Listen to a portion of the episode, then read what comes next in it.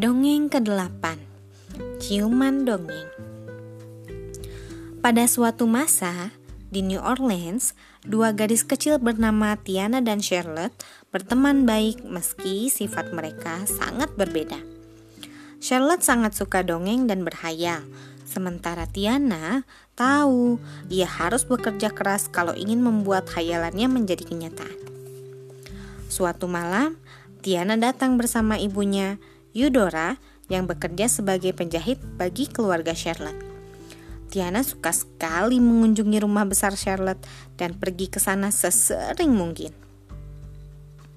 Malam itu, ibunya menjahit baju baru sambil bercerita pada mereka tentang dongeng pangeran yang berubah menjadi kodok.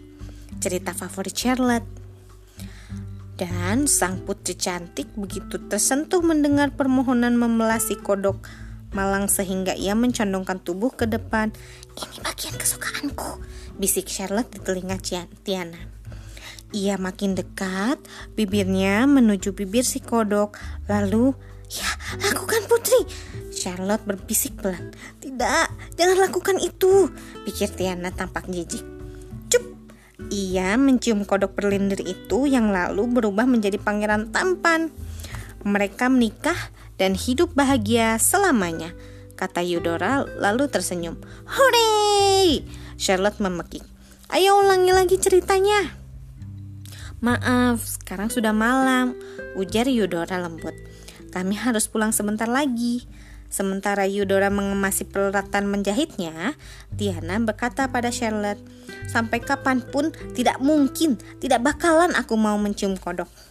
Mendengar itu, Charlotte mengambil boneka kodok dan meletakkannya di kepala anak kucingnya. Binatang kecil itu berusaha kabur, tapi Charlotte mengacungkannya pada Tiana dan berkata, "Nah, ayo cium dia, pangeran tampanmu." "Hi, tidak mau," protes, Tia protes Tiana. "Oh ya," kata Charlotte terkejut. Aku mau mencium 100 kodok kalau aku bisa menikah dengan pangeran dan menjadi putri, ujar Charlotte. Ia mencium hidung si anak kucing yang melompat kabur dengan ketakutan. Itu pangeran yang jijik pada sang putri. Teriak Tiana tertawa. Kau harus memperbaiki ciuman dongengmu, Loti.